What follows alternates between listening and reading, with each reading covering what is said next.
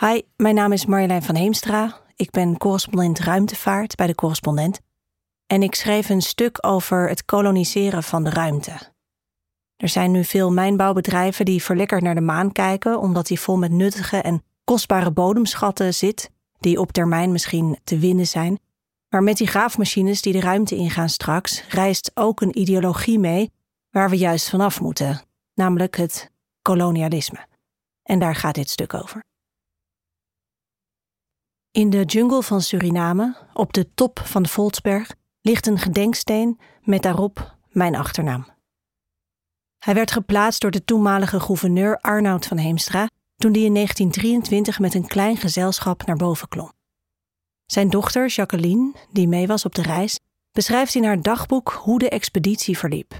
Hoe lastig het was om op hun tennisschoenen omhoog te komen op het gladde steen, hoe de veldflessen met whisky hen naar boven hielpen en hoe het adembenemende uitzicht vanaf de Voltsberg haar betoverde. Bomen, bomen en nog eens bomen, schreef ze. Haar vader was van het uitzicht wat minder onder de indruk. In een brief naar huis schreef gouverneur van Heemstra dat het panorama hem deed denken aan een broccoliveld. Ik schoot in de lach toen ik dat las. Een van de grootste oerbossen ter wereld, gereduceerd tot een akkertje. Ik vermoed dat zijn blik te maken had met het hiërarchische systeem waarin hij als gouverneur opereerde. Als witte kolonist was hij de zon waar de wereld om draaide. In vergelijking met de zon is alles klein. Bovendien werd dit land al eeuwen door kolonialen beschouwd als een wingewest. De schoonheid van de natuur was volstrekt ondergeschikt aan wat die natuur de Hollandse schatkist kon opleveren. En Van Heemstra zag daar op die berg veel mogelijkheden. Dit overvolle oeroude landschap moest wel vol bodemschatten zitten. Zijn gouverneurschap zou in het teken gaan staan van mijnbouw. Kort nadat hij op de Voltsberg stond, zou hij noordelijker in Suriname massaal bomen laten vellen. Hij zou wegen laten aanleggen waar ooit water kronkelde, de grond laten openbreken op zoek naar steenkool en de zeer gewilde grondstof bauxiet. Dit ongerepte landschap, zag hij, had grote economische waarde en hij besloot die te gaan benutten. Hij zag het voor zich, daar op de top. Het graven, drillen, boren. De diepe mijnen die rechtstreekse gangen naar voorspoed moesten worden. Maar eerst wilde hij een blijvende stempel drukken op deze Surinaamse berg. Arnoud van Heemstra had in Nederland een grote steen besteld, met daarin uitgehakt in hoge rechte letters zijn achternaam. Mijn achternaam. Hij had de dragers behalve de steen ook specie laten meesjouwen om de plaket op de top vast te metselen. Eromheen werd een gultje uitgehakt, zodat het regenwater niet over de letters zou stromen, maar erlangs. Jacqueline beschrijft de uitgelaten sfeer na het voltooien van de operatie. Het gezelschap had het gevoel een missie te hebben volbracht met het plaatsen van die steen. Deze grote groene long van de aarde was al meer dan twee eeuwen in handen van de Hollanders, maar nu lag er ook diep in dit bos eindelijk bewijs van hun aanwezigheid: steen op steen. Toen ik in 2012 zelf de Voltsberg beklom, lag die steen er nog altijd. En de afgelopen jaren dook hij vaak in mijn gedachten op. Ik dacht aan de steen toen iemand mij vertelde dat volgens de leer van de Tao de agressie van een cultuur kan worden afgelezen aan de sporen die ze achterlaat in het landschap. Ik dacht aan de steen als er weer eens een treurig rapport verscheen over de impact van mijnbouw op een landschap. Ik dacht eraan toen de zoveelste rivier werd vervuild, het zoveelste bos werd geveld en de zoveelste gemeenschap geruïneerd. En ik denk aan die gênante steen nu een ander ongerept gebied in het vizier is gekomen van de mijnbouwindustrie, ons hemellandschap, de ruimte. De afgelopen jaren was het vaak in het nieuws. Ons zonnestelsel blijkt verpletterende bodemschatten te herbergen. Er gaan lijstjes rond. De asteroïde 16 Psyche bijvoorbeeld zou grondstoffen bevatten ter waarde van 10 triljoen dollar. Davida met een waarde van 27 triljoen dollar. Diotima, Alauda, Palma, stuk voor stuk dragers van onmetelijke rijkdom. De eerste biljonair op aarde, voorspelde de beroemde astronoom Neil deGrasse Tyson in 2015, zal dat fortuin in de ruimte vergaren. Voorlopig staan de rijkdommen van die asteroïden alleen nog in verbeelding tot onze beschikking. Er is nog geen techniek om ze op betaalbare wijze naar de aarde te verschepen. Toch is er een reden om ruimtemijnbouw niet al te makkelijk af te doen als verre toekomstdroom. Want dichter bij de aarde bevindt zich een landschap waar mijnbouw op kortere termijn rendabel lijkt te kunnen worden. De maan. Het meest bekeken, meest bezongen landschap van onze soort. Een hemellichaam met een gigantische culturele, spirituele en poëtische waarde voor de mensheid. Maar economische waarde, die had de maan nog niet. Tot nu. In augustus 2021 werd voor het eerst een stukje van de maan verhandeld. Vanwege zijn lichtblauwe mondkapje was de grijns van Lunar Outpost-directeur Justin Cyrus niet te zien toen hij de absurde cheque van de NASA overhandigd kreeg. Bill Nelson, die de cheque namens de ruimtevaartorganisatie mocht uitdelen, had zijn gezichtsmasker thuisgelaten en lachte al zijn tanden bloot. Het bedrag op het waardepapier was dan ook belachelijk.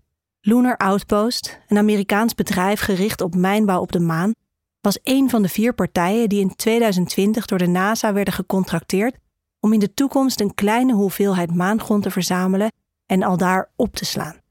Het bedrijf kreeg een jaar later alvast een vergoeding van 10 dollar cent voor 50 gram regoliet, dat op de zonnige Zuidpool van de maan moet worden gewonnen. Wat een kleine stap leek, was in werkelijkheid een grote sprong. Zoals de betrokkenen zelf benadrukten, de hoogte van het bedrag was in dit stadium onbelangrijk. Waar het om ging, was het scheppen van een precedent. Met deze contracten werd de juridische route verkend die buitenaardse mijnbouw mogelijk moet gaan maken. Ondanks het minuscule bedrag ging het hier dus om een enorme transactie. Het verhandelen van de maan was officieel begonnen.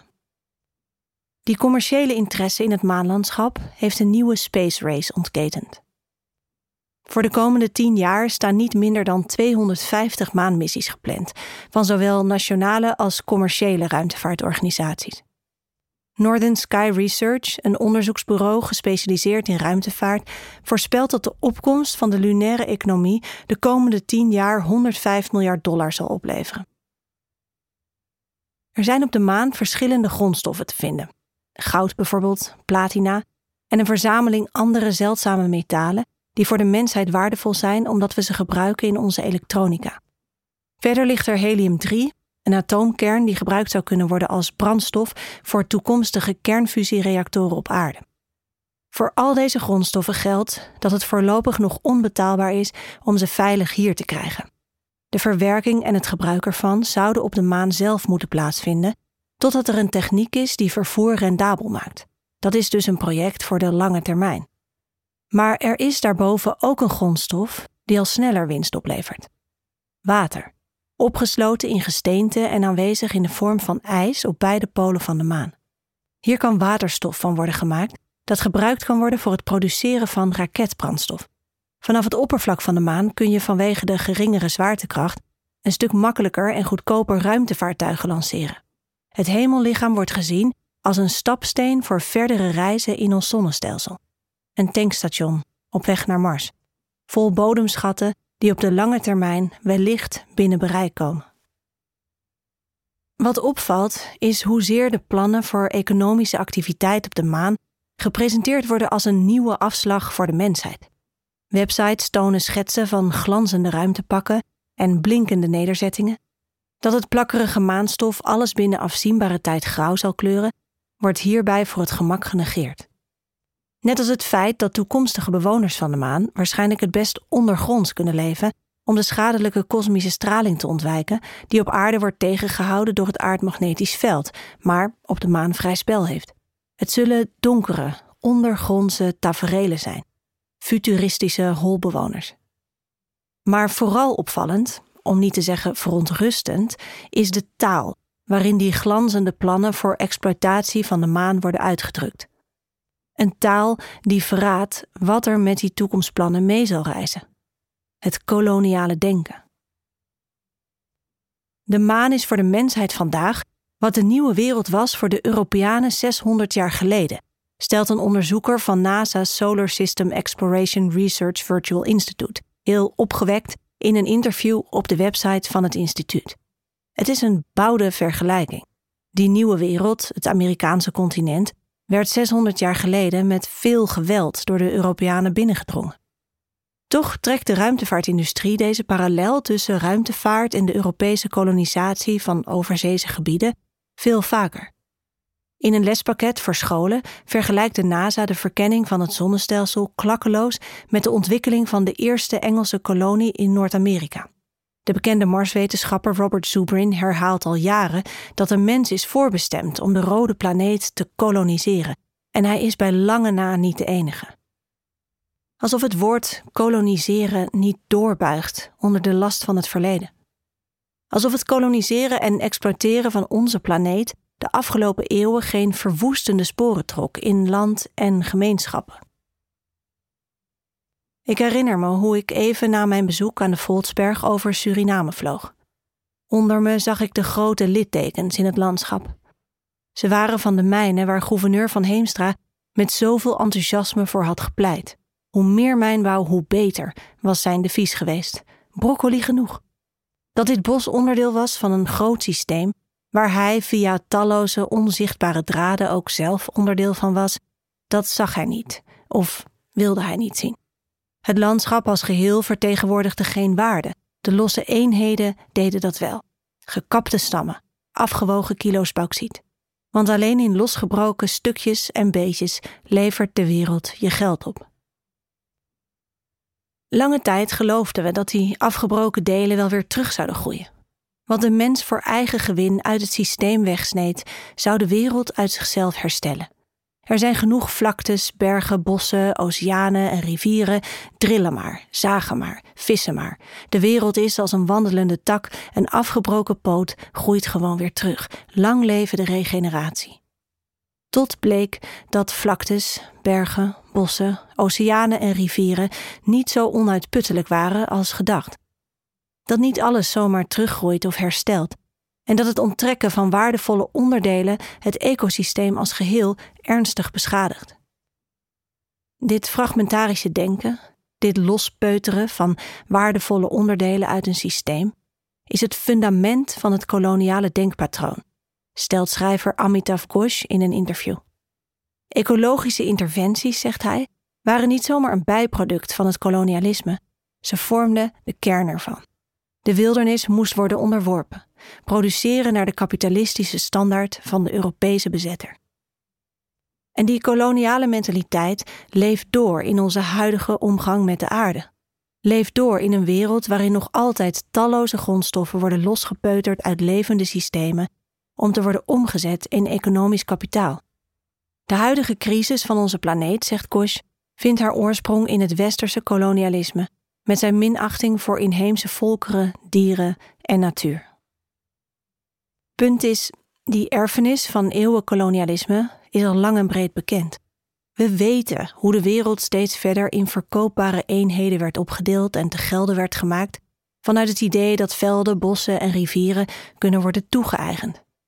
We weten hoe lokale rijkdom werd verscheept, waarna gebieden en gemeenschappen berooid achterbleven als ze het al overleefden.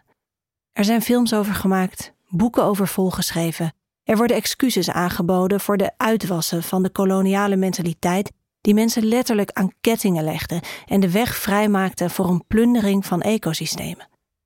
We weten het. Dus zou je denken dat die oude fouten waar mogelijk hersteld worden en in elk geval niet herhaald. Maar wie zich ook maar een beetje verdiept in de commerciële ruimtevaart, maakt zich geen illusies.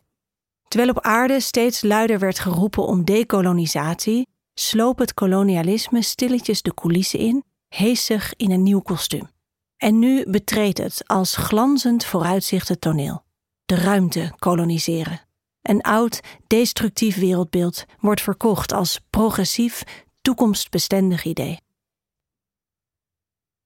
Natuurlijk zijn er grote verschillen tussen mijnbouw op een onbewoond hemellichaam en mijnbouw waar mensen, dieren en bomen onder zuchten. Ruimtemijnbouwondernemers benadrukken die verschillen graag en verkondigen dat grondstoffen delven in het heelal de aarde juist bevrijdt van een vervuilende industrie. Hun redenering: behalve de mens heeft niemand iets aan die landschappen die zullen worden aangetast. En als de wind terugvloeit naar de thuisplaneet, profiteert toch iedereen van de exploitatie van het heelal niks grenzen aan de groei, daar is juist alle ruimte voor. Als je de ruimte vervangt door het oerwoud, en de thuisplaneet door het bestuur van Suriname, vermoed ik dat dit zo ongeveer de overwegingen waren van gouverneur van Eemstra toen hij besloot de mijnbouw in Suriname te intensiveren. Niemand, dacht hij, had iets aan dat oerwoud zolang het niet ontgonnen was. Hij geloofde zelfs dat hij de lokale bevolking een dienst bewees, want hij was vastbesloten niet alle winst naar Nederland te sturen. Er moest wat terugcijpelen naar de lokale samenleving. Dat dat uiteindelijk mislukte, zal niemand verbazen. Maar zijn brieven lezend geloof ik dat hij werkelijk overtuigd was van de nobelheid van zijn missie. Hij zou met zijn moderne plannen breken met het verleden van de slavernij en van het destijds berooide Suriname een vooruitstrevend wingewest maken. Daar moesten offers voor gebracht. Het was uiterst moeilijk, schreef hij, om de mijnen rendabel te krijgen. Maar aan het einde van den duistere weg was zijn overtuiging zou de rijkdom worden aangetroffen. Ergens in de toekomst schitterde het goud. De visie achter deze taal rijmt met de huidige ambities voor ruimtemijnbouw. En die plannen hangen nauw samen met plannen voor permanente menselijke aanwezigheid buiten de dampkring. Dit koloniale narratief vormt dus straks het fundament voor een mogelijke nieuwe gemeenschap. Als we dit destructieve denken straks meenemen de ruimte in, stelt astronoom Lucienne Walkowicz, zal dat bepalen hoe de mensheid zich daar in de toekomst gedraagt en verhoudt tot de omgeving. Het betekent, zegt hij, een verdere bestendiging van een mentaliteit waar we juist vanaf moeten. Mijnbouw in Suriname, mijnbouw op de maan, exploitatie van de aarde, exploitatie van de ruimte, oude versus nieuwe uitbuiting van het landschap. De verschillen zie ik, maar de overeenkomsten verontrusten me. Hoe voorkomen we dat de fouten uit het verleden een echo krijgen in het heelal? Dat de maan straks even diepe littekens toont als het landschap van Suriname.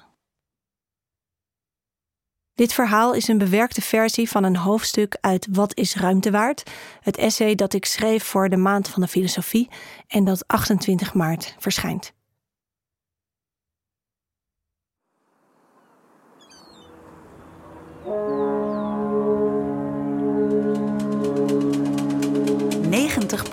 Van onze spullen komt uit een container. 90% Zonder die stalen doos ligt de hele wereldeconomie op zijn gat. En zou jouw leven er totaal anders uitzien.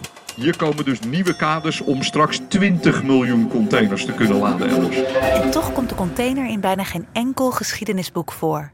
En weten we nagenoeg niets over de reis die onze spullen erin over de wereld afleggen. Het is een ongelooflijk bewijs dat we als Nederland iets kunnen. En hier zijn we goed in. En dat laten we hier de hele wereld zien. Het is een bizarre paradox. Containerschepen behoren tot de grootste door mensen gemaakte dingen op aarde. En ze zijn tegelijk totaal onzichtbaar. En duik je in de wereld van de container, dan zie je ineens dat die stalen doos van alles verbergt. Ja, totaal is er 3,2 miljoen kilo rotzooi in zee beland. Er is een criminalisering opgetreden van zeevarenden. Het wordt echt een gevangenis. Some of the worst cases are over four years that seafarers have been left on board. They haven't gone home. They haven't been paid. Gaat het hier eigenlijk over monopolievorming? Ja. In deze podcastserie zetten Maaike Goslinga en ik, Maite Vermeulen, een schijnwerper op de verborgen wereld van ons goederenvervoer op zee om te snappen hoe onze spullen bij ons komen en wie daarvoor de prijs betaalt. We always have our aha moments. Um... What was yours? Luister nu naar Containerbegrip, een podcast van de correspondent. Het gaat af en aan, het gaat dag en nacht door, jaar in jaar uit. Ik vraag me wel eens af wie maakt dat allemaal op.